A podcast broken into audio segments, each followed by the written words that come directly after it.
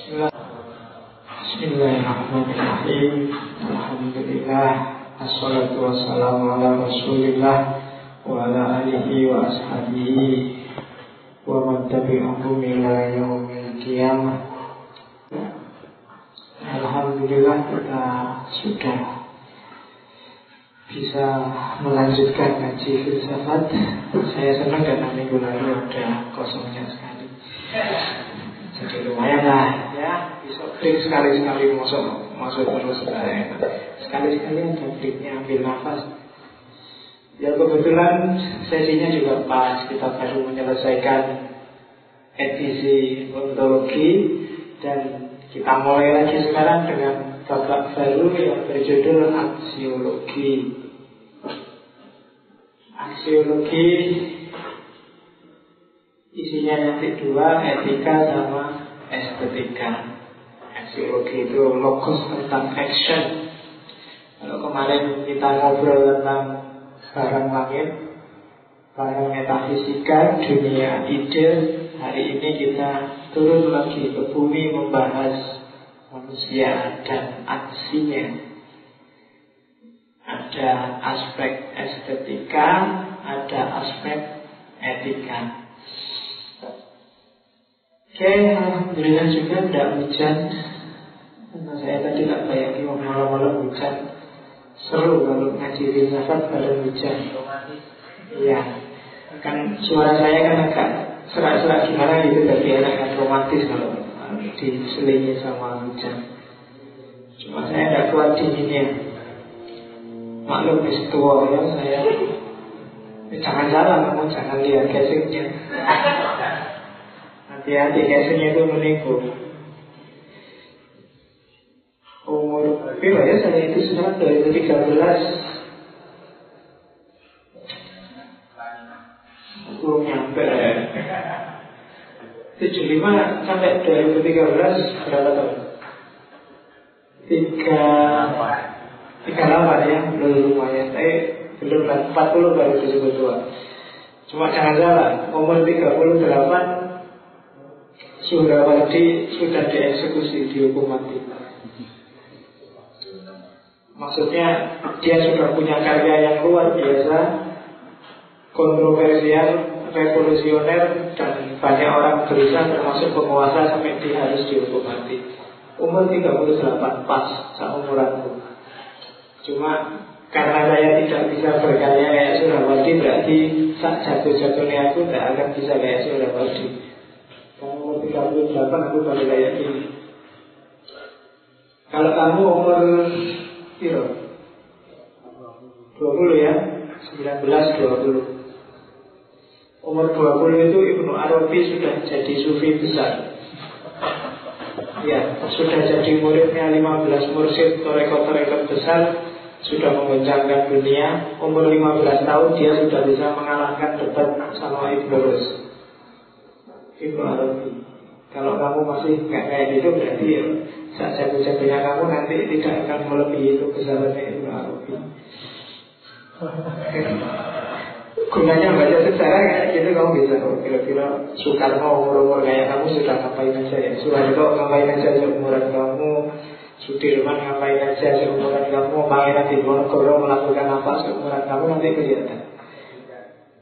Seumuran kamu Nabi Muhammad itu sudah bisa melakukan uzlah satu bulan penuh di atas sebuah hiro.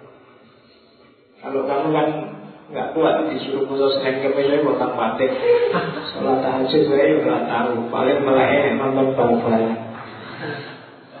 Ya, banyak pelajaran ya dari tokoh-tokoh besar. Oke, okay. uh, ngomong-ngomong tadi sampai ke situ-situ.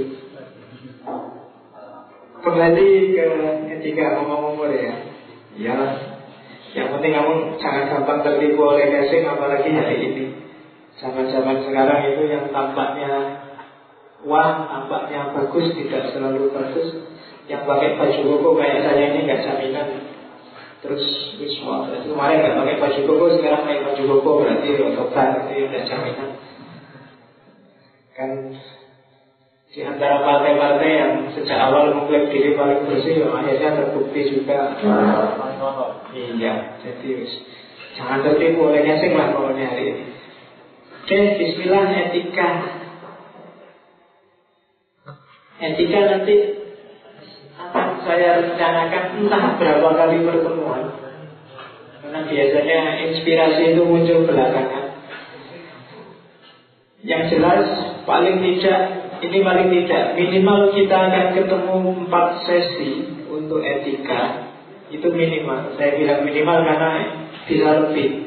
Kalau tiba-tiba dapat ilham untuk ngasih sesuatu yang spesifik dalam konteks etika. Karena etika itu alirannya banyak sekali puluhan.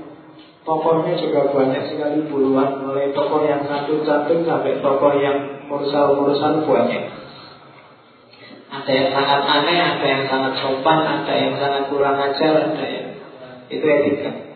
Nietzsche itu bisa kamu masukkan etika Immanuel Nietzsche yang sangat uraan Kant yang sangat sopan itu sama-sama tokoh besarnya etika. Cuma nanti kita lihat moodnya ngaji ini Kalau moodnya bukan mood loh Aku nggak peduli mood mood gue maksudnya Kadang-kadang saya itu juga mood Kalau lagi semangat juga bisa. Panjang kalau enggak ya. Nanti empat itu aja kita geser ke estetika Dan Jangan khawatir saya nggak akan masuk terlalu dalam. Masih tak kasih dasar-dasar semua. Jadi epistemologi, ontologi Dan hari ini aksiologi. Dasar-dasarnya. Nanti kalau dasar-dasarnya selesai Kita masuk ke kelas intermediate Nah nanti tema-temanya mungkin agak flashback Agak tahu ontologinya ada Filsafat-filsafat khusus yang berhubungan dengan etika ada Tapi levelnya nggak naik dikit tapi untuk hari-hari ini kita pengantar dulu. Pengantar itu isinya empat sesi. Hari ini kita masih mengantarkan ke dunia etika. Minggu depan etika deontologis dan teleologis. Minggu depannya lagi kita ngomong sistem-sistem etik yang kalau dipilah terbagi dua ada sistem yang sifatnya subjektif dan sistem yang sifatnya objektif. Dan terakhir satu sesi aja karena saya nggak ingin dalam saya akan ngomong tentang etika dan agama. Kalau dalam Islam ya kamu kenalnya filsafat akhlak cuma mungkin saya nggak ngomong banyak tentang itu mungkin kapan-kapan ada nanti bagian tersendiri untuk filsafat akhlak ketika kita masuk ke season intermediate atau kelas advance. Saya belajar etika yang filsafat akhlak itu zaman tahun berapa itu kebetulan ada short course di Iran yang titik tekan short course Islamic Studies-nya ada pada etika. Tapi kalau Iran punya ideologi yang khas tentang etika dan agama. Jadi satu bulan ke depan kita akan ketemu dengan tema etika. Karena sekarang bulan November, sampai akhir Desember kita akan membahas etika. Semoga nanti ganti tahun kita kita masuk ke estetika.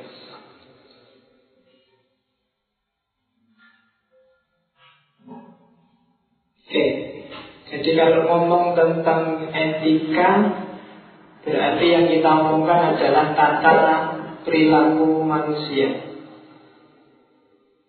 Jadi ngomong tentang apa yang baik dan buruk, apa yang pantas atau tidak pantas kamu lakukan, apa yang layak dan tidak layak, apa yang pas dan tidak pas yang harus dilakukan. Tata perilaku.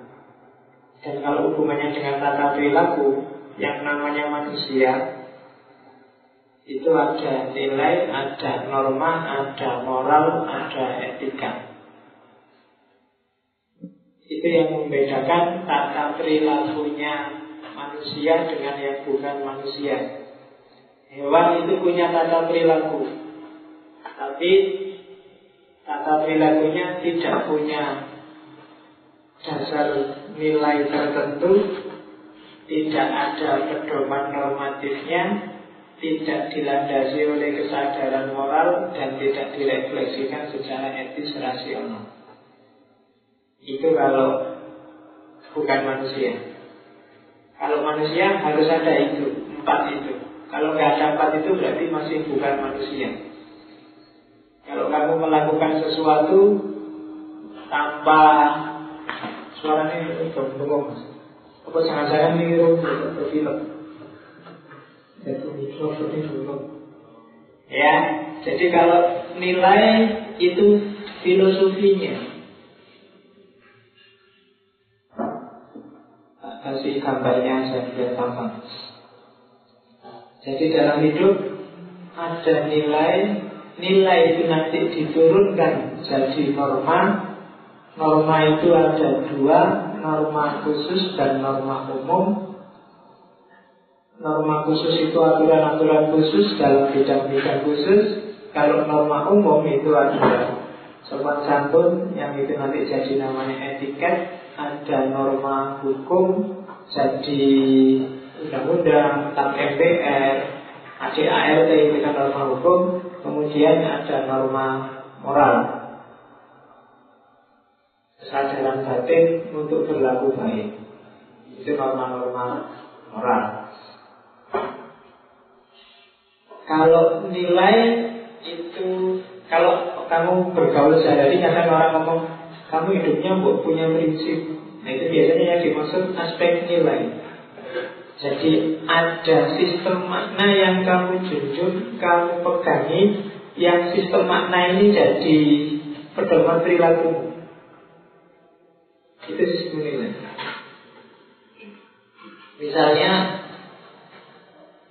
Indonesia ini boleh ngapain aja, tapi jangan sampai dilecehkan. Aku boleh kritik Indonesia sampai mati-matian Tapi hati-hati. Right Allah my country. Ya, Itu sistem nilai Elek api negara pun Jadi kalau ada yang melecehkan hancur. Berarti ada sistem nilai yang kamu junjung. Jadi ada tata prinsip yang jadi landasan hidup setiap orang biasanya punya, meskipun tidak setiap orang sadar dengan sistem nilai yang dianutnya. Saya nggak tahu sistem nilaimu apa, tapi dari deklarasimu bahwa kamu seorang muslim, ya berarti kamu punya sistem nilai Islam yang melandasi hidupmu. Meskipun katanya Fazlul Rahman, kelemahannya orang Islam itu di kesadaran tentang tata nilai itu yang nanti dalam bahasanya Fazlul Rahman disebut welcome song. Jadi pandangan dunia kita tidak punya.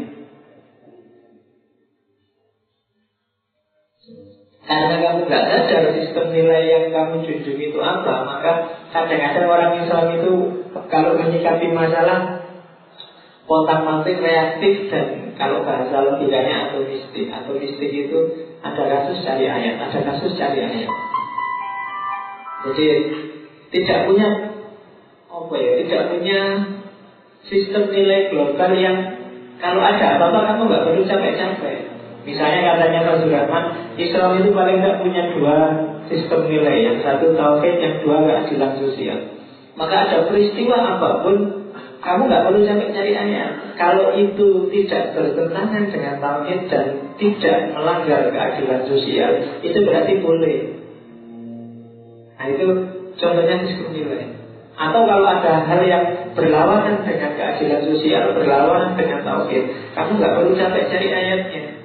Itu pasti tidak boleh Ada korupsi misalnya Terus kamu bingung korupsi itu ayat berapa ya Surat apa ya Sampai kamu nggak sesuai Pokoknya oh itu berlawanan dengan keadilan sosial Taruhan potong kuku mesti nggak boleh dalam Islam Kenapa? Ya karena berlawanan dengan prinsip nilai yang dijunjung oleh Islam yaitu keadilan sosial.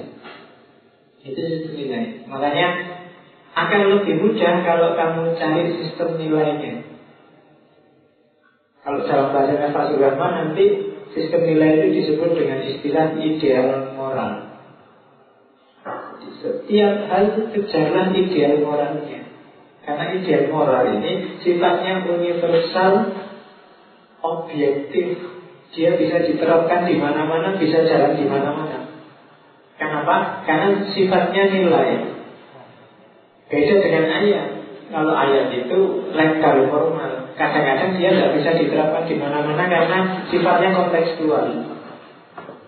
Dalam hidup kita juga gitu. Orang Jawa punya sistem nilai sendiri. Misalnya kalau baca bukunya mengenai Susena Etika Jawa itu di antara sistem nilai yang di anut oleh orang Jawa adalah harmoni. Jadi orang Jawa itu pokoknya nomor satu yang dijunjung harmoni. Jadi Islam datang, Kristen datang, itu jarang konflik.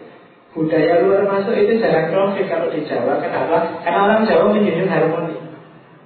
Yang penting nggak gegeran, yang penting nggak nabrak tatanan, yang penting masih mau saling menghargai, masih rukun, masih mau bertemu itu boleh kalau di Jawa. Kenapa? Karena sistem nilai yang dijunjung adalah sistem harmoni. Makanya orang Jawa itu kadang manggil-manggil, nesu-nesu juga masih bisa senyum. Di depan senyum begitu kamu melengos, nah itu orang Jawa. Jadi yang yang nggak Jawa mesti kaget. Itu kemarin masih senyum-senyum kok padaku masa sih dia gitu. Jangan salah. Jadi meskipun batinnya muangkel marah kayak apa, kadang-kadang orang Jawa itu memilih dipendam dan harmonis sama kamu meskipun hanya kelihatannya. Ya. Dan filosofi ini kan dulu yang dipakai oleh Pak Harto itu. Jadi yang penting kelihatan stabil, yang penting kelihatan harmonis. Aslinya kayak apa tidak apa-apa, terserah tapi meskipun dalam rangka harmoni sekali-sekali ada yang disingkirkan, ada yang dipukuli, tidak apa-apa, asal nggak ada orang tahu dan dari luar kelihatan harmonis dan stabil. Itu khas Jawa. Jadi ada masalah pun dibikin kamu nggak tahu biar tetap stabil. Jogja ini jangan dikira adem ayam ini memang adem ayam beneran kan kalau dicermati mungkin ada potensi-potensi konflik, potensi-potensi masalah yang luar biasa. Tapi karena logikanya sistem nilai yang dijunjung di sini adalah harmoni, maka ya yang penting dapat tenang. Yang penting kelihatan aman. Dan itu yang disebut sistem nilai. Setiap horizon sosial, bahkan dalam unit paling kecil, itu pasti punya tata nilai yang jadi landasan aturan landasan perilaku. Masjid Sudirman ngaji filsafat itu sadar apa enggak pasti ada nilai-nilai yang dijunjung di sini. Yang ini mungkin beda dengan ngaji yang satunya mungkin dengan ngaji hati atau dengan ngaji mau coba yang kita kadang-kadang nggak sadar itu tapi ya jalan aja itu nilai. Ya misalnya ngaji filsafat beda sama ngaji hadis. Kalau ngaji hadis banyak alatnya dan harus hal yang sementara kalau ngaji filsafat akar mula ngerti ngerti akar Jamal kira jamal ini ora apa filsafat sekuler Nah itu ini kadang-kadang kamu nggak sadar ada nilai itu yang kamu pegangi. Dan setiap orang yang namanya manusia biasanya punya ini. Makanya ada filsafat yang namanya filsafat nilai. Filsafat nilai itu ya biasanya nanti menyangkut juga dengan etika, menyangkut dengan estetika. Ya secara umum karena nilai itu kan ada tiga, ada nilai benar salah, ada nilai baik buruk, ada nilai indah dan tidak indah. Akhirnya nanti ke situ. Meskipun oleh orang Indonesia istilah nilai itu kadang-kadang konotasinya beda. Kayak kamu kan kuliah jangan cuma cari nilai misalnya. Nah, itu kan eh, nilai itu kan konotasinya sudah beda. Nilai uh, kalau ingin kalau ingin agak milih harusnya nilai itu jangan 100 200 tapi kayak di Timur Tengah itu nilainya jahit jahit jika mumtaz nah itu agak dekat dengan nilai dalam pengertian ini jadi ada nilai kebaikan ada nilai sangat baik ada nilai sempurna misalnya nilai Jadi bukan ABCD 100 200 Itu nilai jadi landasannya Biasanya Begitu masuk ke dalam ranah yang formal Institusional Yang namanya nilai itu terus dirumuskan dalam norma.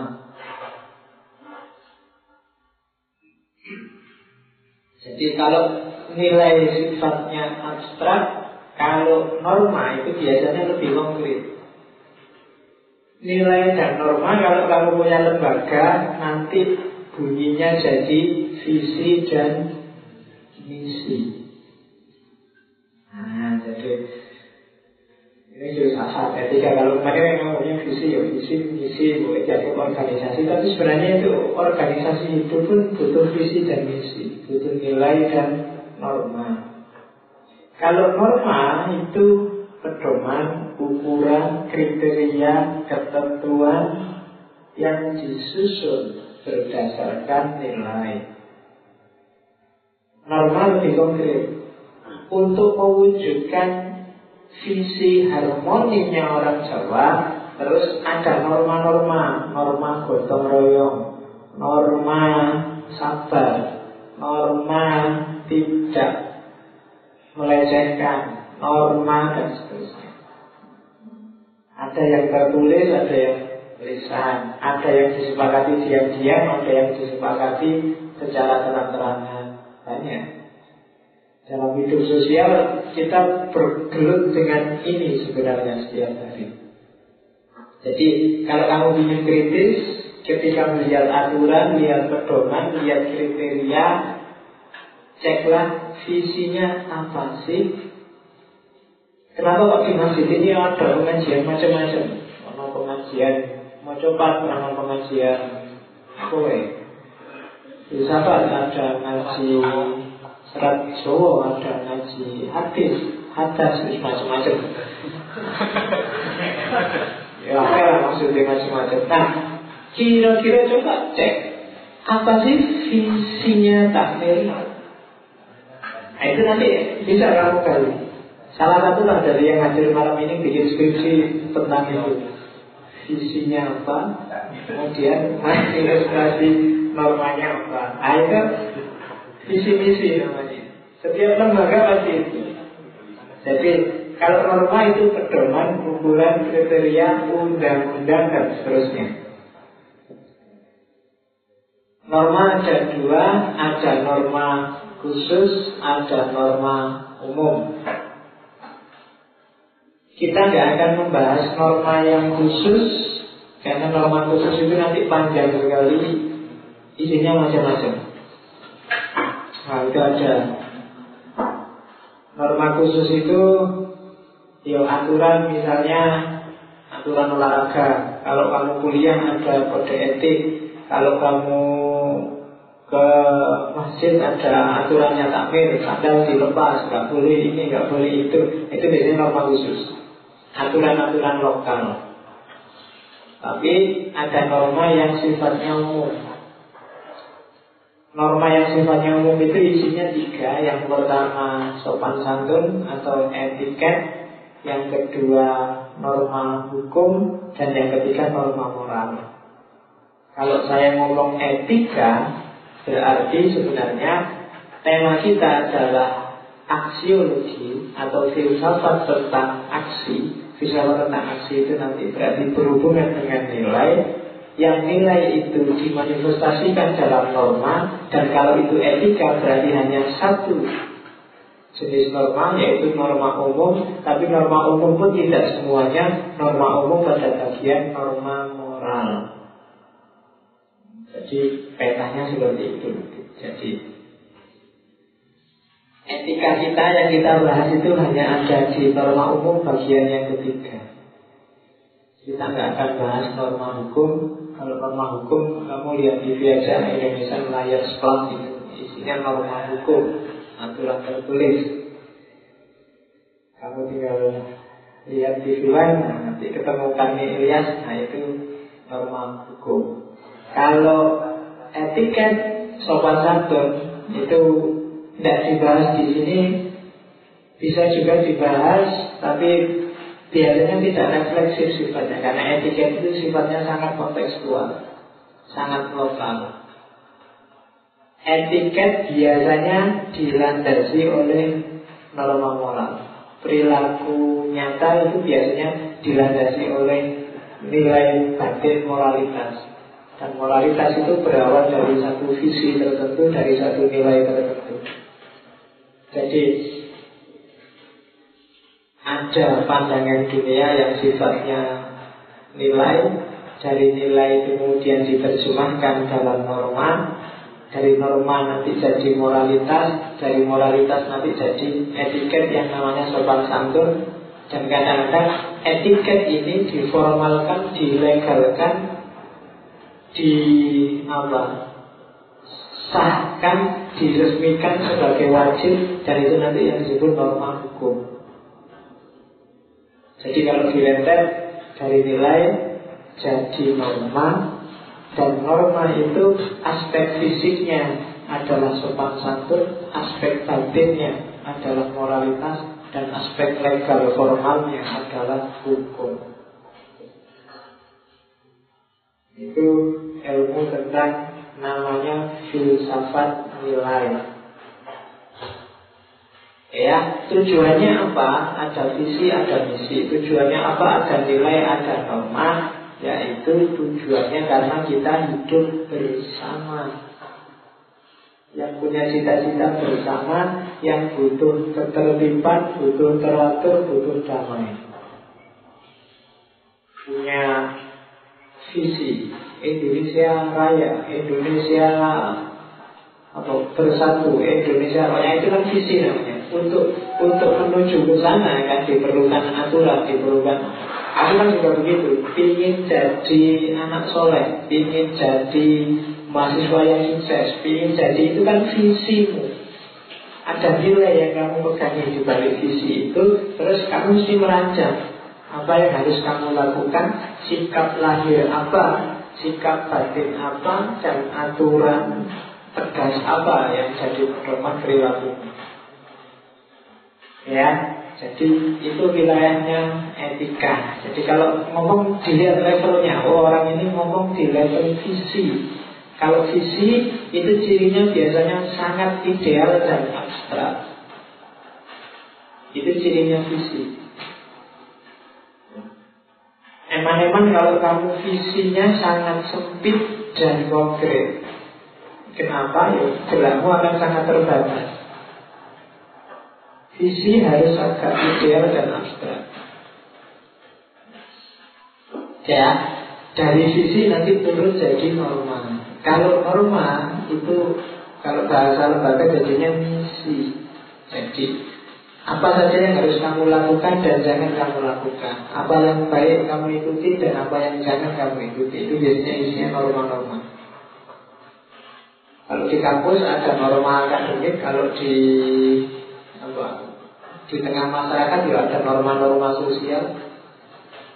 Kalau di masjid ya ada norma-norma eh ya masjid, norma-norma ketakbiran, norma-norma itu norma namanya. Jadi sopan santun, hukum dan moral termasuk norma khusus.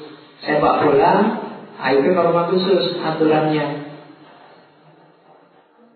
ada kesepakatan tersendiri di dunia sepak bola. Kenapa orang harus kakinya saja yang menyentuh bola, tidak boleh tangannya?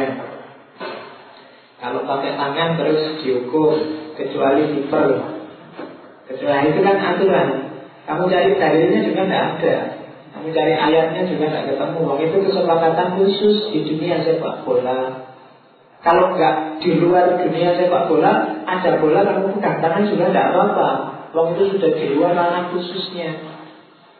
Ada bola di luar mau diambil kok nggak boleh ya bola itu nggak boleh pakai tangan harus pakai kaki ya tidak dia nggak boleh pakai tangan kalau masuk dalam ranah olahraga yang namanya sepak bola di lapangan ada syarat-syarat tertentu ada lapangannya ada wasitnya terus dan seterusnya itu norma khusus selalu seperti itu.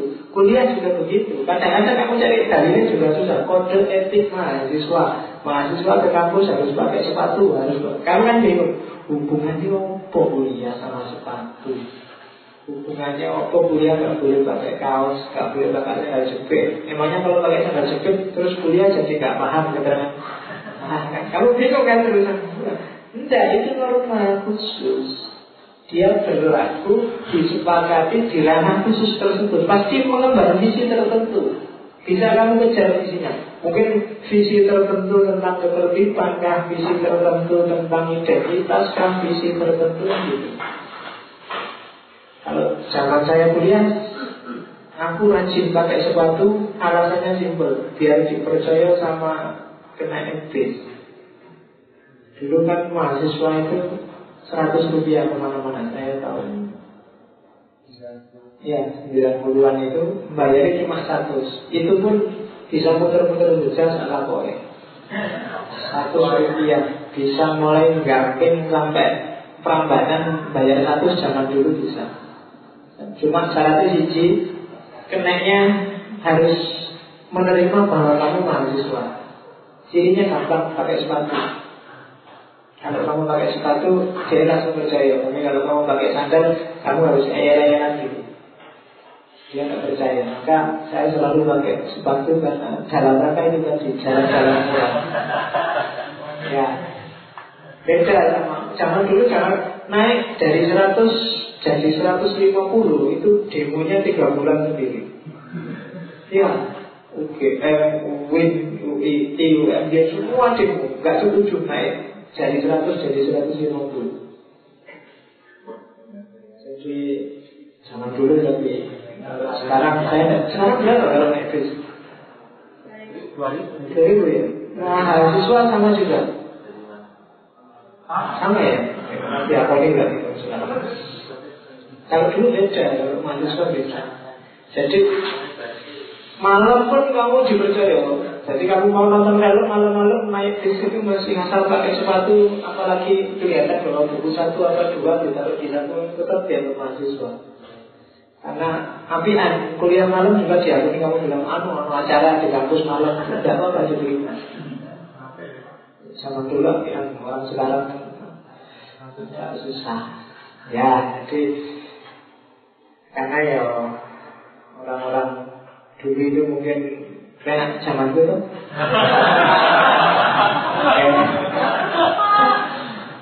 ya itu normal khusus dia berlaku di lokal yang khusus dengan logika yang khusus, kesepakatan khusus. Dan kita nggak akan bahas itu. Kalau dibahas itu nanti panjang. Ada etika politik, ada etika bisnis, ada etika biasanya itu normalnya norma-norma khusus. Kita bahas yang agak umum dan universal, yaitu norma-norma moral yang sifatnya objektif Isinya tiga sopan santun, hukum, dan moralitas. Ya, kalau sopan santun itu etiket. Kalau moralitas itu urusan batinnya. Kalau hukum itu tetap MPR, UUD 45, PP, dan seterusnya. Menghargai orang tua itu moralitas. Cium tangan itu sopan santun. Makanya jadi bedakan itu. Yang satu etika, yang satu etiket. Senyum itu sopan satu. Tapi menghargai itu moral. Banyak orang senyum, senyumnya basa-basi. Banyak orang cium tangan, tapi cium tangannya terpaksa. Banyak orang nah itu tidak benar dia secara etiket, tapi bukan moralitas, tidak bermoral. Ya kan? Cium tangan Cowok ada cewek cakep terus dicium tangannya itu nah, modus kan bukan moralitas. Oke, jadi norma ada norma sopan santun, ada norma hukum, ada norma moral. Etika kita akan bermain-main di norma moral. Dimensinya batin kalau norma moral itu. Nanti kita lihat apa bedanya moral sama etika sama etiket. Kalau ini definisi tidak usah tak jelasin satu-satu, kamu juga nggak perlu capek-capek nulis satu-satu ngapain. Definisi cari aja di buku-buku, ya kan? Cuma ada beberapa catatan dari definisi itu. Yang pertama, moralitas yang dibahas adalah tentang right or wrong, baik buruk. Jadi bukan suka dan tidak suka Bukan like and dislike Jadi moral itu ngomong tentang Mana yang baik, mana yang buruk Catatan pertama Catatan kedua Bagi banyak filosof Sumbernya baik buruk Itu adalah hati nurani Meskipun ada juga yang bilang bahwa sumbernya adalah kesepakatan sosial. Ada juga yang bilang tidak bisa hati nurani itu tidak mesti kesepakatan sosial juga tidak jelas. Sumbernya harus akal yang sehat. Tiga-tiganya bisa kamu iakan karena kadang-kadang baik buruk itu sifatnya penilaian sosial kadang-kadang baik buruk itu muncul dari hati nurani kadang-kadang juga baik buruk itu muncul dari akal yang sehat kemudian moral sifatnya batin. Jadi baik buruk itu sifatnya tidak selalu kelihatan meskipun dia bisa dimanifestasikan keluar. Ya, jadi ada baik buruk, ada akal sehat, hati nurani, kesepakatan sosial, dan yang ketiga basisnya moral adalah di yang warna hijau itu kepekaan. Kalau bahasa lainnya sensitivitas. Kepekaan itu hubungannya sama rasa. Makanya Nabi itu inama bulistu liutamima maka lima akhlak. Misinya Nabi diutus itu bukan misi nyuruh kamu sholat mati-matian, tapi gimana akhlakmu jadi sempurna. Gimana berarti apa? Kalau pakai definisi tadi akalmu sehat, hati nuranimu jernih, dunia sosialnya harmonis, dan itu lahir karena kamu sensitif. Sensitif itu kamu peka, mana baik, mana buruk. Kalau kamu tidak peka ya berarti ya masih perlu dipertanyakan kesehatan akalnya, kejernihan hatinya, dan jangan-jangan kesepakatan sosialnya agak tak beres. Iya, karena banyak kan apa intersubjektivitas itu kan isinya nggak selalu bagus. Di antara kelemahannya demokrasi yang tiap hari diserang oleh kelompok yang anti demokrasi itu kan bahwa demokrasi itu dasarnya kesepakatan intersubjektif suara paling banyak. Kalau suara paling banyak pas kebetulan sepakat tentang yang jelek di sini jelek-jelek. Maka harus kembali pada Al-Quran dan hadis. Katanya itu. Ya, jangan tanya saya. Ya, ya apa itu diskusi panel kebetulan yang di aku itu orangnya anu pokoknya masuk surga duluan? Iya. Nusu-nusu menyesat-nyesatkan gitu ya terus tak tanyain orang yang sesat kayak gitu itu masuk neraka gak pasti dia masuk neraka. Terus yang baik-baik kayak sampai ini masuk surga. Pasti masuk surga Terus Allah pasti gitu. Yang mewajibkan gitu Allah pasti begitu. Terus tak bilangnya Yang memastikan Allah itu Kalau dalam teologi Islam Namanya Mu'tazilah Iya kan? Mu'tazilah kan yang bilang Allah dua wa'id Kalau Allah janji begini Pasti dituruti. Kalau Allah janji begitu Pasti dituruti. Kalau asalnya enggak ada gendo pun kalau dimasukkan surga suka-suka Allah. Kalau Asaria kan gitu.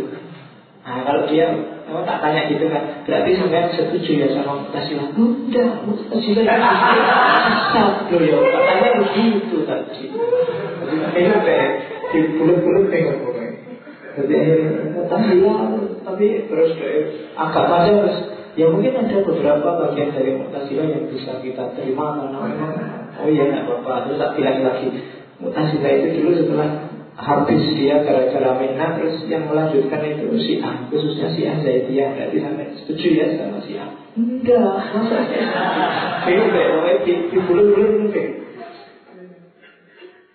sama kayak diskusi NU dan Muhammadiyah itu kan. Gegeran terus tinggal kamu sebut aja. Coba disebut. Madhab yang disetujui sama teman-teman NU apa? Kan empat itu kan Syafi'i, Malik, Hanafi, dan Hambali kalau teman-teman Muhammadiyah itu kan kelompok purifikasi pemurnian Salafi inspirasinya dari Ahmad bin Hambal Karena Ibnu Taimiyah kan yang dirujuk biasanya dari Ibnu Taimiyah muridnya Ahmad bin Hambal Dan Ahmad bin Hambal adalah salah satu madhab yang disetujui oleh orang-orang NU Jadi sama aja yang satu ya setuju-setuju aja salah satu madhab yang benar, yang satu cuma bagian dari itu. Jadi Muhammadiyah adalah bagian dari NU. NU gak boleh marah-marah sama Muhammadiyah. Dia sendiri bilang Ahmad bin Hambal itu adalah termasuk golongan yang disahkan. Jadi, itu yang kalau dalam bahasanya Al-Qur'an ada amfim dan amfim kebel. Lampun C dan lampun sebel kalau bahasa Perancisnya. Jadi ketika kita terikat oleh logos kita ada barang yang sebenarnya masuk jangkauan pikiran kita kita tidak mau mikir. Pokoknya dianggap NU mesti ini yang beda mesti itu. Ah makanya Nabi itu nggak ribut dengan teologi nggak ribut dengan fikih. Imam Abu itu kita memang mata lima akhlak. Diberesin akhlaknya aja Kalau akhlaknya bagus Ada masalah apa pun relatif lebih mudah Ya, ya kayak Australia gitu loh. Minta maaf aja nggak mau. Kalau aku udah di Australia, ada ya, aku minta maaf beres, oke sip, selesai terus besok bisa datang lagi. Hari aja gengsi jadi panjang urusan minta maaf tapi kan Indonesia ya kan cuma minta maaf kan, nggak minta misalnya awas lo ya, jangan nyadap lagi, awas lo ya kan nggak nggak minta itu cuma minta maaf. Kalau aku dari Australia, ya saya minta maaf, beres sip, yo kan gitu. Ya, satu. Cuma kan karena Indonesia memang kalah power Jadi itu kan kayak anak kecil gegeran Ayo kamu nyadap aku Katanya Australia Iya, mau apa kamu? Ya enggak apa-apa sih. Kan gitu hasilnya Nanti coba aja, nanti ceritanya kan gitu. Ya wis enggak apa-apa. Ah, oke. Okay. Sekarang kita lihat Makarimah akhlak dalam Kajian etika Oke ya, ini ini tak kasih satu teori tentang moralitas. Biasanya orang bahas moralitas itu ada level-levelnya. Jangan disamaratakan. Kalau hari ini kita membahas etika yang sifatnya filosofis, maka kita ada di wilayah yang keempat kita nggak akan bisa mengevaluasi etika, menganalisis etika, memberi judgement etis atau tidak etis pada sesuatu yang tidak bebas. Orang itu nggak bisa disalahkan atau dibenarkan kalau dia tidak bebas. Maka prasyarat dari moralitas adalah harus bebas, harus otonom. Ada level anak-anak namanya anomi. Anomi itu moralitasnya anak-anak. Cirinya egois. Nggak peduli pada orang lain. Jadi kalau kamu punya pacar kok yang dipikir dirinya sendiri terus berarti dia masih anak-anak. Ya dimaklumi maksudnya kalau masih kan masih anak-anak. Jadi jangan dimarahin kamu itu egois masih anak-anak. Ya karena aku masih anak-anak mohon dimaklumi. Jangan dimarah-marahi kok malah kamu marah-marahi. Kamu masih anak-anak.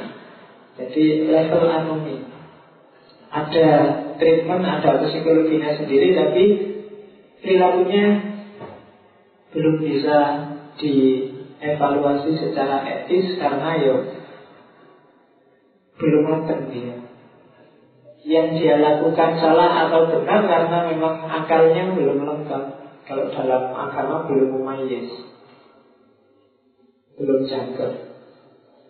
Jadi belum apa ya belum cakep itu bahasa Indonesia apa? Belum cakep. Kenapa? Belum sempurna. Belum sempurna. Apa ada kesempurnaan itu? Ya, cerewet itu mobil sangat. Oke, terus heteronomi. Heteronomi itu biasanya step kedua dari hidup kita. Dia mungkin baik atau buruk, tapi bukan karena dirinya, tapi karena idolanya. Makanya orang sering ngasih nasihat cari idola, cari teman yang bagus, karena ada step, ada level hidupmu yang di situ kamu biasanya manut figur. Entah figur artis, figur kiai, figur teman, figur itu biasanya itu namanya era heteronomi. Orang kayak ini sudah belum bisa dikasih hitop etika. Kenapa? Ya dia tidak bebas. Dia masih terikat oleh idolanya. Baik buruk bukan karena dirinya, tapi karena figur. Terus ada level etika yang ketiga, level sosionomi. Orang yang bermoral atau tidak bermoralnya dia tergantung pada kelompok yang dia rujuk, kelompok tempat dia berafiliasi. Orang kayak gini juga tidak bebas. Kamu jangan maki-maki dia, juga jangan muji-muji dia. Kalau ada yang bagus atau yang jelek itu dari kelompoknya. Makanya kamu jangan terlalu segitunya sama Ruji Tombol misalnya. Karena dia levelnya sekarang sosionomi. Kalau dia ngomong mengkritik Jokowi, kalau dia ngomong apa pun itu, sebenarnya dalam rangka bela partainya. Parpol kan gitu, si bela partainya, bela anggotanya, bela ketuanya, bela. Nah, itu level sosionomi. Maka judgment etik itu tidak laku di orang kayak ini. Kalau dia baik itu bukan karena dia benar-benar baik, karena instruksi kelompoknya. Kalau yang tadi, kalau dia yang heteronomi, kalau dia baik, itu hanya karena ikut ikutan idolanya. Nah, nilai etik baru bisa ditanamkan di orang yang sudah otonom, sudah bebas, sudah bisa mengambil pertimbangan sendiri, memutuskan sendiri, tidak tergantung orang lain meskipun kadang-kadang mempertimbangkan pikirannya orang lain, idenya orang lain, pendapatnya orang lain. Jadi kalau ada orang berbeda, kamu gimana? Oh gitu dong. Menurut aku sih bagus, tapi aku lebih sini. Itu kan otonom. Kalau sosionom tadi, ya manut 100% sama kelompoknya mau ke utara, dia ke utara, mau ke selatan, dia ke selatan. Kalau yang heteronom, manut sama idolanya. Nah, yang keempat, yang otonom, di situlah baru kita bisa masuk memberikan analisis kategori-kategori etis atau tidak etis.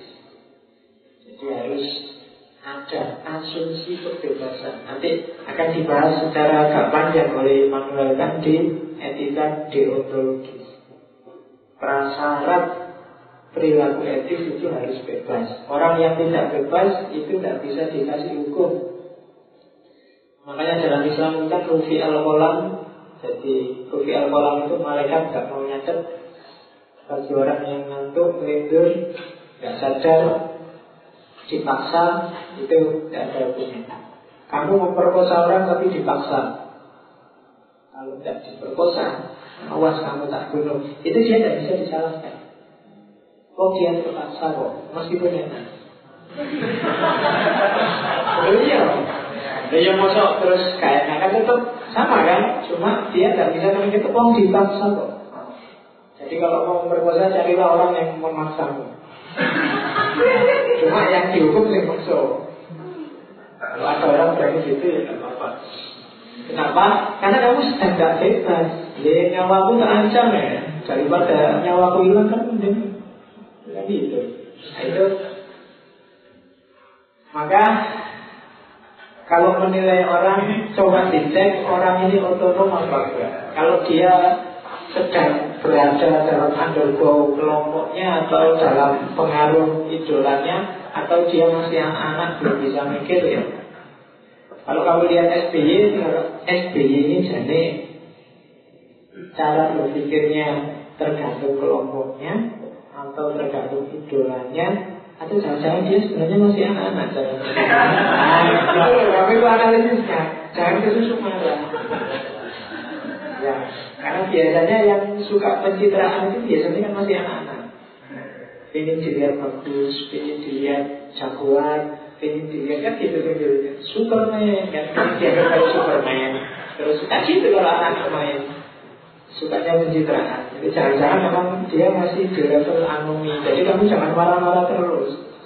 Oh itu memang levelnya dia masih di situ. Mungkin. Ya, jadi dikasihani malah kasihan kan. SPJ itu sudah besar tapi masih anu Jangan dimarahi terus. Oke ya, jadi kita membahas etika berarti ada di level yang keempat level otonomi. Oke, ini istilah. Banyak orang salah pakai istilah. Ada moral, ada amoral, ada immoral. Ini istilah ini kami pakai secara serampangan kadang-kadang. Moral jelas. Wah, kamu bermoral ya. Jangan sampai kamu tidak bermoral. Karena kamu untuk tidak bermoral menyebut amoral. Amoral itu perilaku yang tidak ada hubungannya dengan moralitas. Tidak ada hubungannya dengan baik buruk. Perilaku yang netral itu namanya perilaku amoral. Jangan salah. A itu tidak, moral itu moral. Berarti tidak ada hubungannya sama moral. Jangan pakai istilah amoral untuk menyebut yang tidak bermoral. Karena amoral itu perilaku netral. Aku garuk-garuk kepala. Garuk-garuk kepala ini kan boleh-boleh saja mau barang mubah. Nah ini bisa kamu sebut, wah Pak Faiz sedang melakukan sesuatu yang amoral. Nah, kenapa? Ini nggak ada hubungannya sama moral. Ya, baik juga boleh, buruk juga boleh. Nggak masuk itu kan kalau dalam agama namanya mubah. Nggak positif, nggak negatif.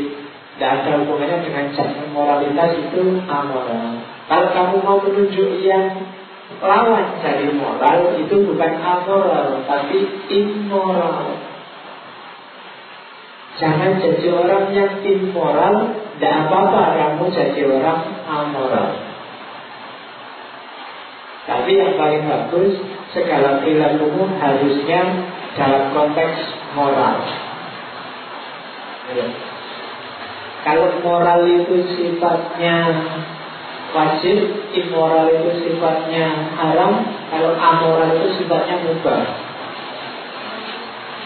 Ya, ya itu kalau dalam makanan gitu. Makanya hati-hati pakai istilah.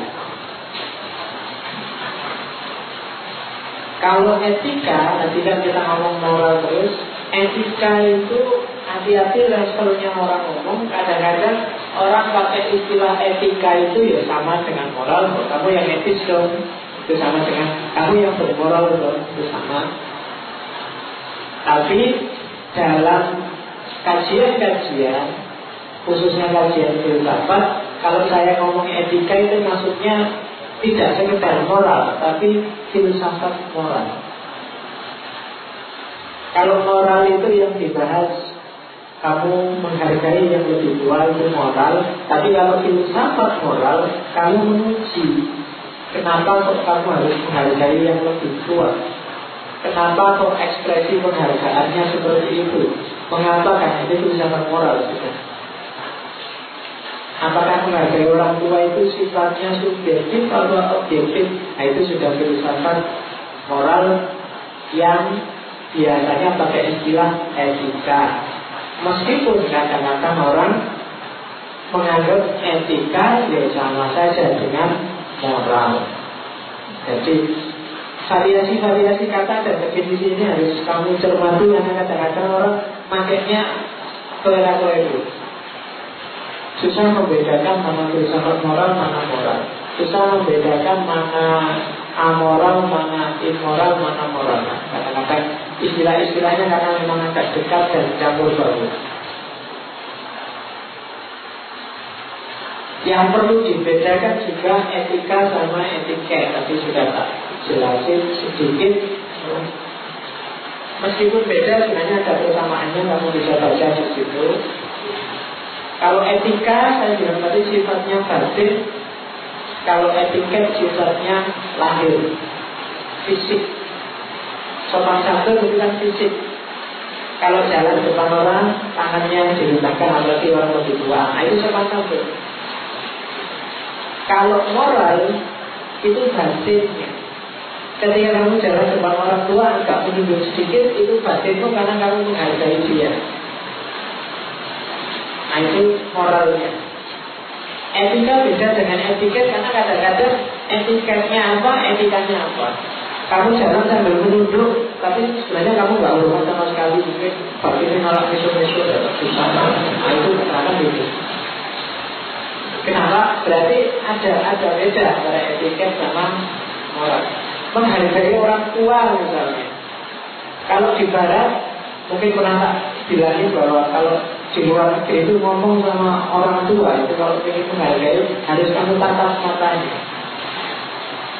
Itu menghargai. Jadi kalau ada ngomong sama dosen sama bapak kamu tatap matanya gitu.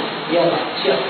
Nah itu menghargai yang diajak ngomong itu ibarat etiketnya mewakili nilai batin namanya menghargai orang tua di Indonesia menghargai orang tua juga jadi nilai batin yang harus kamu terapkan dalam dirimu. Cuma manifestasinya beda. Di Jawa kebalikannya. Kalau ngomong sama orang tua jangan ngangkat kepala. Tidak sopan. Harus tak menunduk manut sambil mondok-mondok kalau dikasih tahu. Nah, itu jalan kalau kamu pakai etiket kebalikannya etiket juga kayak di sini mungkin hasilnya jadi beda. Meskipun mewakili kualitas yang kalau kamu ngomong sambil lihat matanya ini bapak manusia ya kan? Sama temen aja kamu ngangkat kamu kan ngomong mantan kopi yang seperti itu Nah, terima kan cuma dilihat Nah itu kenapa? Ada ada sistem perilaku, ada sistem etiket yang berbeda antara timur dengan barat. Sama kayak kalau orang Indonesia jangan dipegang kepalanya, kalau orang Arab jangan dipegang tangannya. Nah itu kan sistem etiket. Sebenarnya moralitasnya adalah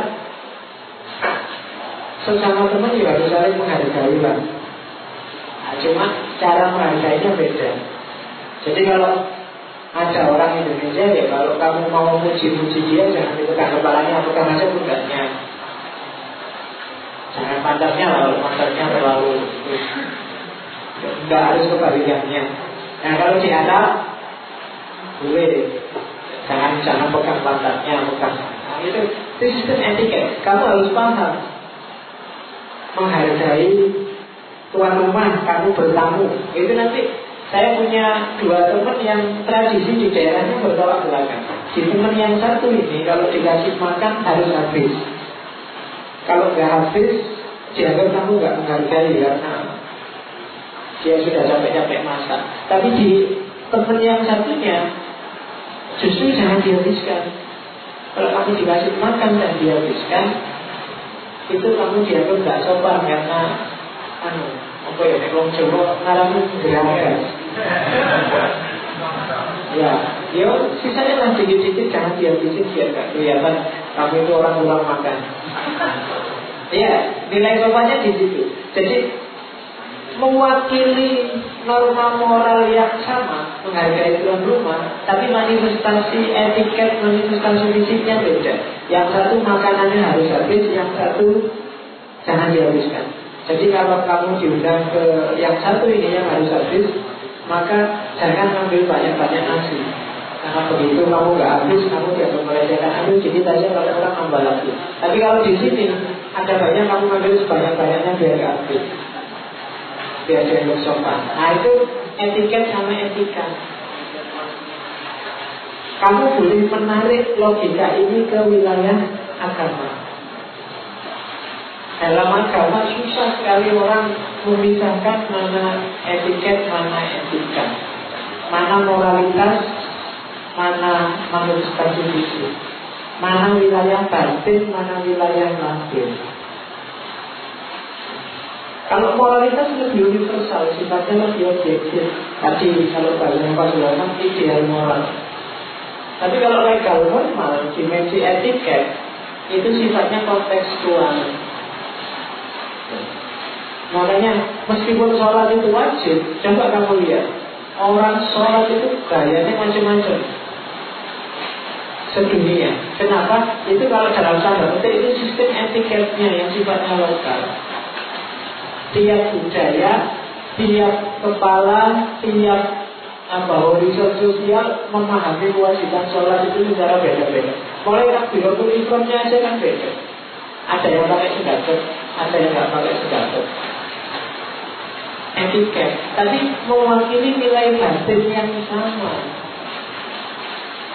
penyembahan, pengabdian, ketundukan, kepasrahan pada Allah. Yang satu Allah Akbar sendatu, yang satu nggak pakai sendatu.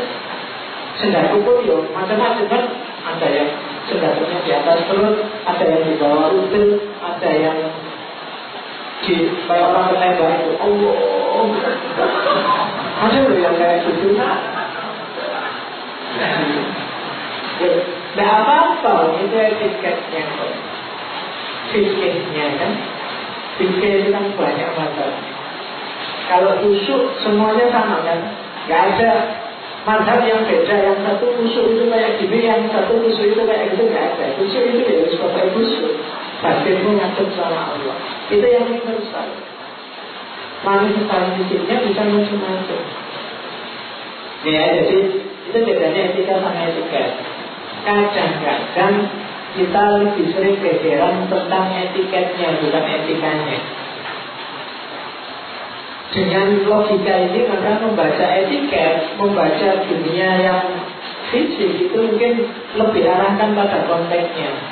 Dari mana itu berasal dengan logika apa itu dirumuskan sementara kalau yang etika sifatnya lebih universal. Di mana-mana dipahami seperti itu Ya, itu bedanya etika sama etiket. Awas jangan keliru. Kata-kata orang keliru. Kalau ada orang tua dan kamu gak cium tangan terus ah kamu anak yang tidak bermoral. Lalu katanya siapa? Cium tangan itu kan cuma salah satu etiketnya. Tentu dia tak hargai meskipun gak cium tangannya. Menghargai kan gak harus cium tangan. Misalnya ada dosennya yang satu cium tangan, yang satu. Halo pak CS, nggak apa? Loh itu kan ekspresi fisiknya dia ada apa-apa. Etiket Asal etiket itu logikanya pakai logika kontekstual. Di konteks itu dianggap sopan enggak Karena etiket kan ngomong tentang sopan waktu Ya, jadi etika sama etiket. Terus kenapa sih lahir kajian etika? Bahwa wis itu sifatnya batin dan lokal. Kenapa tidak ada analisis filosofis? Iya, karena tidak sederhana moralitas itu. Susah loh. Yang pertama misalnya, ada dilema moral. Dalam hidup ini banyak dilema moral yang tidak sederhana jawabannya. Misalnya, suppose, tak kasih contoh apa yang sudah ini. Misalnya satu ketika kamu naik pesawat bareng semua yang baru beli Inter Milan itu Eric Thohir. Satu ketika kamu naik pesawat bareng Eric Thohir, pesawatnya jatuh terus yang hidup cuma kamu sama Eric Thohir berdua. Erick Thohirnya sudah pegang-pegang mau mati. Terus bilang ke kamu Mas Aku gede ya Aku punya harta sekian triliun. Tolong nanti kalau aku meninggal Hartaku Semuanya investasikan untuk bikin lapangan sepak bola. Ya kan? Terus kamu Oh iya, saya janji kalau orang mau mati tidak kan yes. Tenang aja, sampai mati aja dengan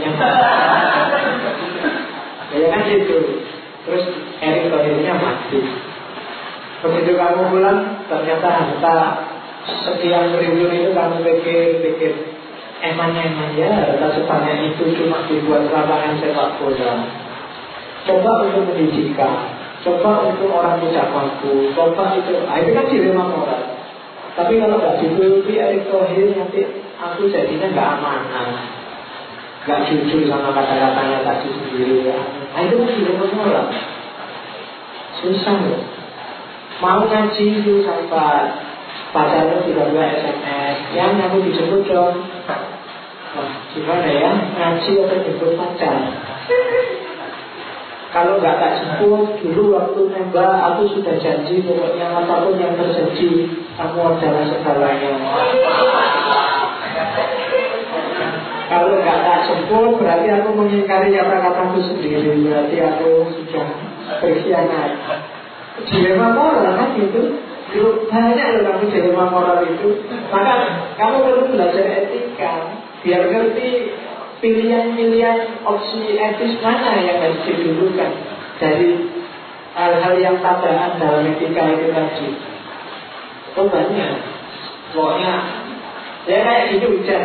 Misalnya hujan, kalau hujan terus, kalau kayak gini saya terpaksa harus datang. Misalnya sebelum berangkat hujan terus, kan aku tetap ya mikir ini berangkat apa enggak ya? Kalau aku berangkat nanti kehujanan. Kalau kehujanan sakit, tapi kalau nggak berangkat kasihan.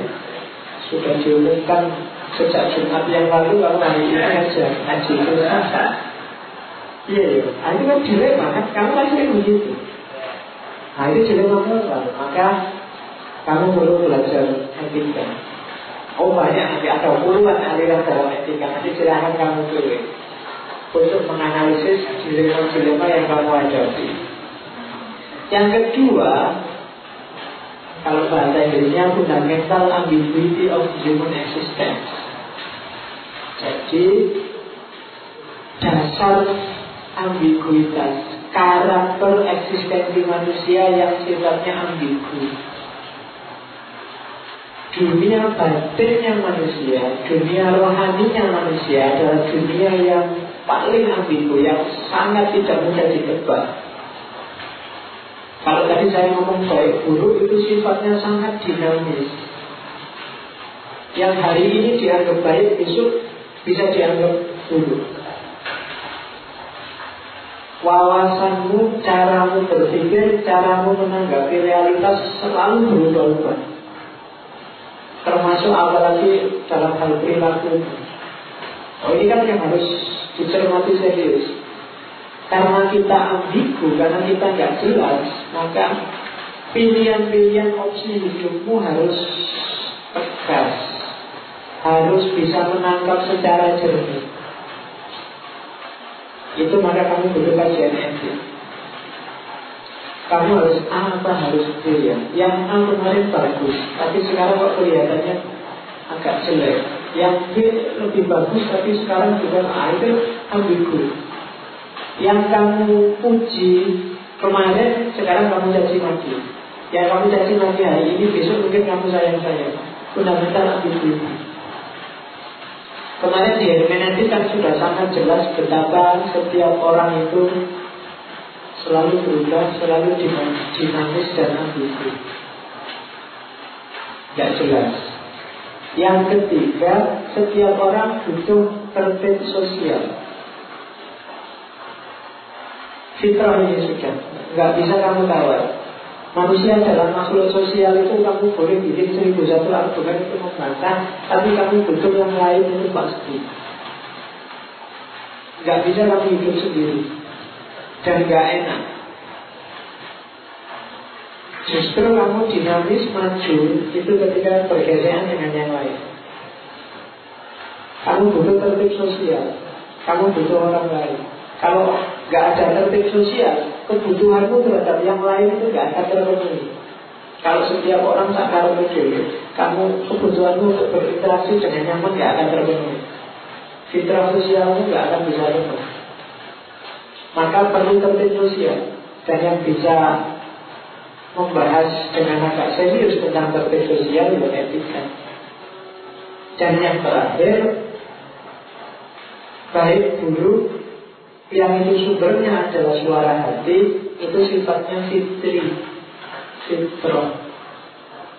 Memang kita dibekali oleh Allah dengan akal yang jernih dan hati yang bersih itu untuk menangkap dunia baik buruk itu tadi. Itu sudah fitro. Itu yang bikin kalau kamu salah secara moral itu rasanya gak enak Kenapa? Karena itu fitrah. Kecuali loh ya, kecuali kamu sendiri yang bikin fitrahmu terbedat. Kalau bahasanya Ghazali, hatimu itu kan kayak kaca. Setiap kali kamu salah satu, ada titik satu di hatimu, salah dua, ada titik dua, dan seterusnya jadi gelap. Nggak peka lagi sudah. Maling sekalipun, dia tetap merasa bahwa aku tidak boleh kayak gini. Kalau dia mau jujur terhadap dirinya Itu yang disebut fitnah. Orang jahatnya seperti apa? Itu tetap suara hatinya. Orang biasanya menyebut suara hati yang paling dalam. Sudah hati paling dalam Karena yang luarnya biasanya berpengaruh macam-macam. Nah itu mesti menyuarakan. Gak boleh kamu salah jadi fitrah kemanusiaan. Karena yang yang bisa menjaga bahwa kamu masih manusia ya fitrah ini. Kalau cuma akal bisa manipulatif. Tapi naluri fitrah hati nurani itu tidak bisa dimanipulasi. Nah maka terus penting loh kamu mengerti fitrah. Nurani. Jangan dibaca secara Jawa loh ya kalau Jawa artinya beda. Ya. Oke, jadi untuk memenuhi fitrah ke manusia. Nah, ada dilema moral, ada karakter manusia yang ambigu, ada fitrah sosial dan ada fitrah kemanusiaan. Empat hal ini yang mewajibkan kamu untuk paham tentang akhlak, tentang moral, tentang etika. Dan itu yang bikin Allah mengutus Rasul Nabi Sehingga Nabi bilang Tugas utamaku adalah Utamina makarima akhlak Menyempurnakan akhlak. Kok bukan sholat, kok bukan zakat, bukan puasa. Sholat, zakat, puasa Itu adalah alat media Jalan untuk menuju ke sana kalau kamu nggak percaya, carilah ayat-ayat ibadah. Selalu hampir semuanya dikaitkan dengan visi moralitas. Sholat kaitannya dengan tangga anil fasya wal munkar. Kalau puasa dengan insaf menahan diri, mengontrol hawa nafsu. Kalau zakat hubungannya dengan penyucian harta. Kalau apa lagi? Haji hubungannya dengan fitrah kemanusiaan, fitrah basyariah, fitrah insaniyah, dan seterusnya. Selalu ada visi-visi yang diemban dari ibadah fisik yang coraknya dalam tanda petik itu etika. Visi moralnya masih ada. Kenapa? Karena dunia ini tertib karena moralitasnya. Itu yang bikin Kenapa kok orang bisa korupsi padahal sholatnya rajin, padahal umrohnya tiap bulan? Kenapa? Kehilangan sisi moralitasnya. Sholatnya formalitas. Kenapa kok kamu masih mudah bohong, kamu ngerpek aja sampai kalau ngomong tidak karu-karuan juga biasa. Kenapa? Karena padahal kamu sholatnya juga rajin, puasa juga rajin, ngaji juga rajin, karena sholatmu, puasamu, ngajimu biasanya ya cuma dapat etiketnya, gak ada moralnya. Itu yang sering jadi masalah. Maka ayo kita belajar etika. Oke, sedikit lagi. nunggu jam terang ya kira-kira sampai jam setengah satu lah ya oke kamu enak cengeng-cengeng aja aku susah. Ya. Jenis kajian etika yang pertama ada namanya etika deskriptif. Ya, kalau etika deskriptif itu ya sifatnya cuma deskripsi. Menjelaskan sistem-sistem etik Perilaku-perilaku moral yang dijalankan oleh masyarakat. Kayak tadi loh, etika deskriptif itu misalnya Oh, kalau orang Jawa itu sangat menjunjung tinggi harmoni. Mereka lebih mengutamakan hidup yang gotong royong, saling menghargai, saling bekerjasama, menghindari konflik sosial. Nah itu etika deskriptif menjelaskan perilaku-perilaku moral yang dijalankan oleh masyarakat. Oh, kalau orang Indonesia itu cenderung sifatnya ramah kalau pas uangnya banyak, kalau nggak ada uangnya meremut, tidak jadi lama. Nah itu membidik perilaku, menjelaskan deskripsi sifatnya, tidak menghakimi, menjelaskan saja. Oh kalau orang luar Jawa, oh kalau orang Jawa Barat itu kecenderungannya seperti ini. Oh kalau orang Padang itu kecenderungan seperti ini. Oh kalau orang Arab itu punya kecenderungan moral seperti ini. Nah, itu namanya etika deskriptif. Hanya menjelaskan. Etika deskriptif itu ya karena cuma menjelaskan biasanya membahas tentang adat istiadat, kebiasaan, anggapan-anggapan mana baik buruk dalam masyarakat, yang boleh dilakukan dan tidak boleh dilakukan, budaya yang diakui dan yang tidak diakui dan seterusnya. Jadi hanya membahas itu deskripsi. Yo itu contohnya. Pandangan moral masyarakat Uni Soviet. Uni Soviet itu kan komunis, bahkan ateis kira-kira kayak gimana ya moralitasnya orang ateis itu? Nah, itu kan kajian etika deskriptif. Di kampus-kampus kalau kamu misalnya judul skripsi itu tentang etika itu biasanya coraknya etika yang deskriptif misalnya ada masyarakat yang permisif terhadap pengguguran kandungan ada masyarakat yang apa permisif terhadap perang. Ada masyarakat yang anti perang. Itu menjelaskan etik sistem-sistem etik yang berlaku secara aktual di masyarakat tertentu. Nah itu etika deskriptif jenis etika yang kedua adalah etika normatif kalau deskriptif cuma menjelaskan, kalau ini tidak cuma menjelaskan, tapi juga menilai, bahkan merumuskan. Jadi etika normatif itu misalnya kamu membahas kalau kamu belajar akhlak, nah itu etika normatif. Kamu belajar dulu di sekolah-sekolah itu diajari akhlak yang baik, Nomor satu harus jujur. Nomor dua harus amanah. Nomor tiga harus taklid Nah itu kan Etika normatif namanya. Sebagai mahasiswa Kita harus disiplin. Nah itu kan normatif. Ada aspek menilai Ada aspek mewajibkan ada aspek ideal yang harus dijalankan. Normatif itu semacam bikin norma. Dia merumuskan prinsip-prinsip etik yang harus dilaksanakan. Ada etika jenis ketiga namanya meta etika.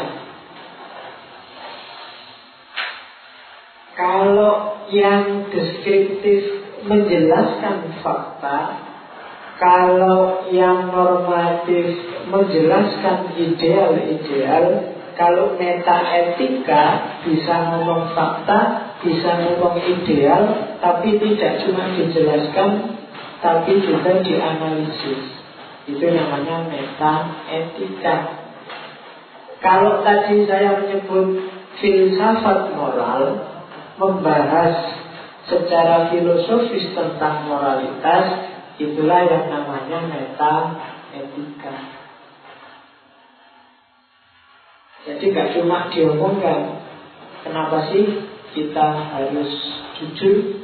Nah itu dibahas Itu meta etika Kok bisa ya kayak gitu? Nah itu namanya meta etika Orangnya nggak percaya Tuhan Ateis. Tapi kok baik sekali ya secara sosial? Kenapa ya kok bisa begitu? Nah itu meta etika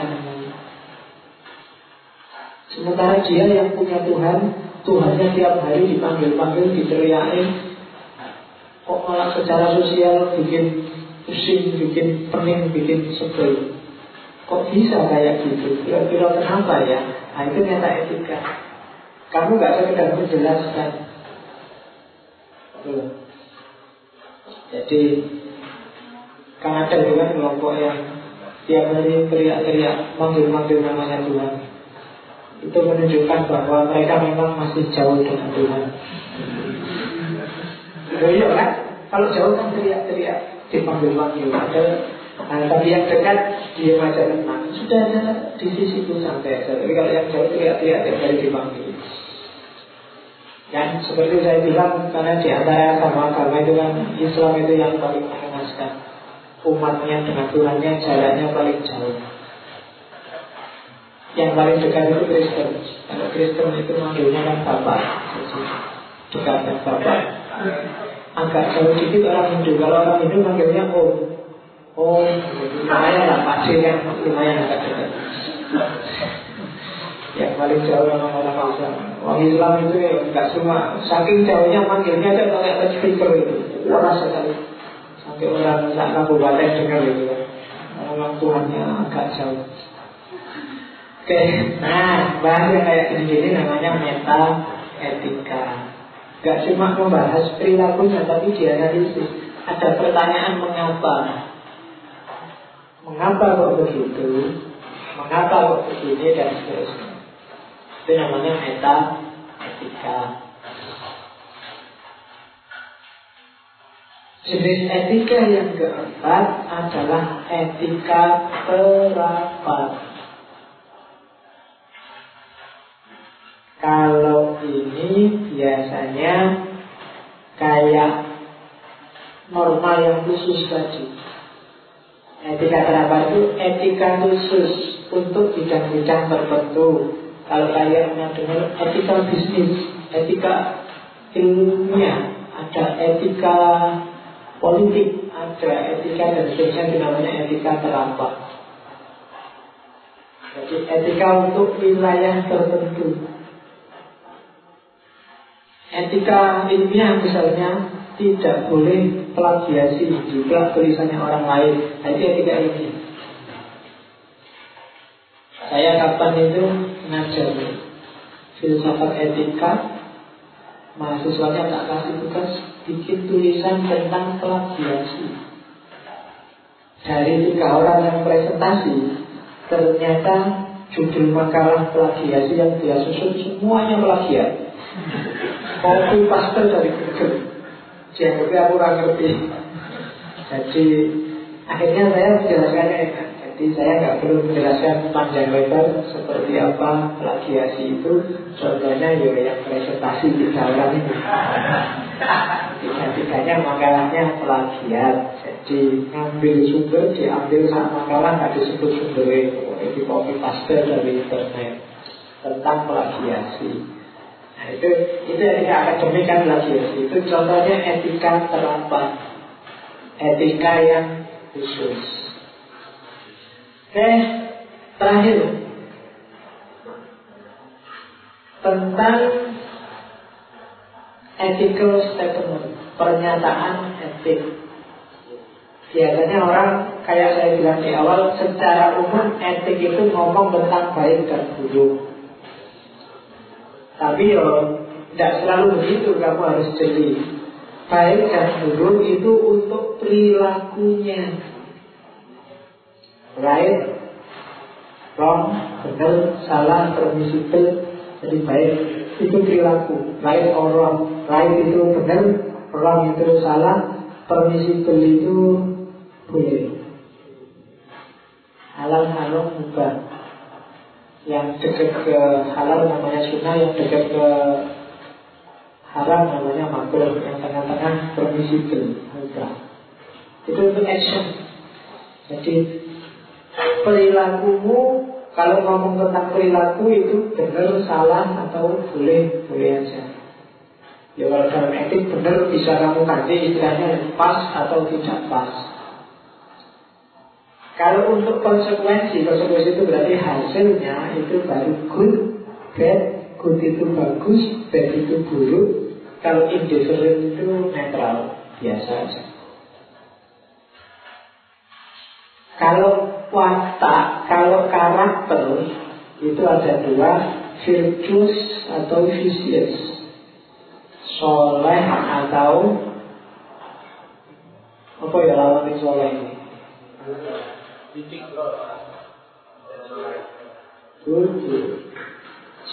Jahat fisik itu kalau arti yang jahat Cuma kalau jahat kan terlalu sadis ya fisik Soleh lawannya tidak soleh lah Pokoknya fisik Itu untuk karakter. Soleh itu bahasa Indonesia-nya adalah Bajik Ya, bajik kalau bijak? Bajing Ya Bukan bajing loh ya. Bajing itu malah vicious tadi. Lahirnya dari bajing Kan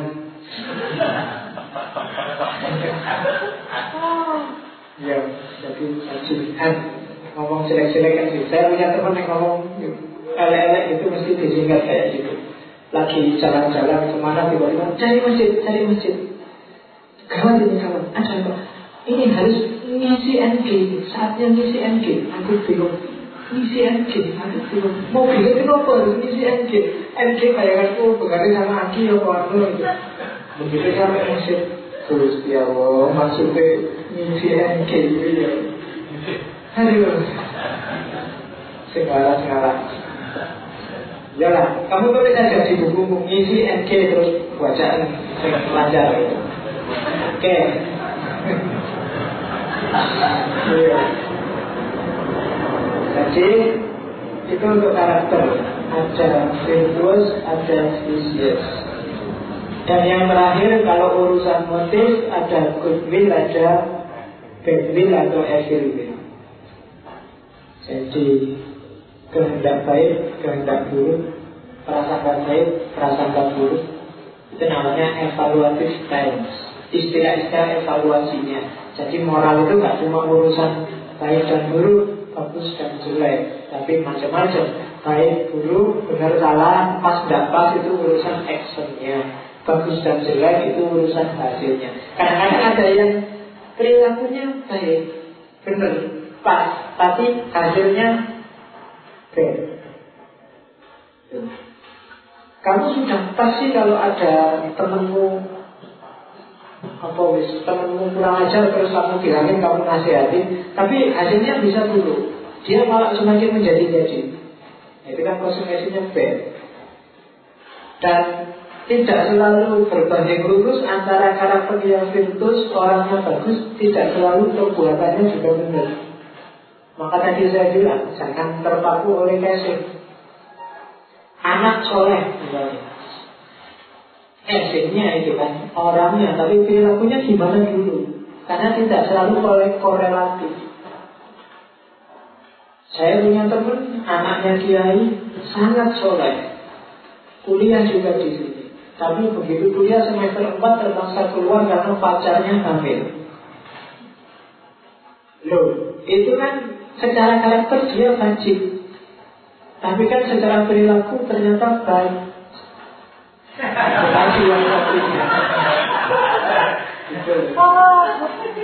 Jadi nggak selalu berbanding lurus, betul. Maka perlu dibedakan evaluating times-nya. Motif juga begitu. Goodwill, kehendak baik, evil will. Kehendakmu baik, tapi perilakunya jelek. Maksudmu bagus, tapi kok munculnya jadi jelek ya. Maksudmu menasehati, tapi kok orangnya jadi tersinggung ya. Maksudmu ngasih tahu, tapi orangnya malah marah-marah ya. Jadi goodwill tidak terlalu korelatif dengan good action, dengan right action. Tidak juga terlalu korelatif dengan virtuous man, dengan vicious man. Tidak selalu sama hasilnya. Maka evaluating test kalau menilai moralitas itu harus adil.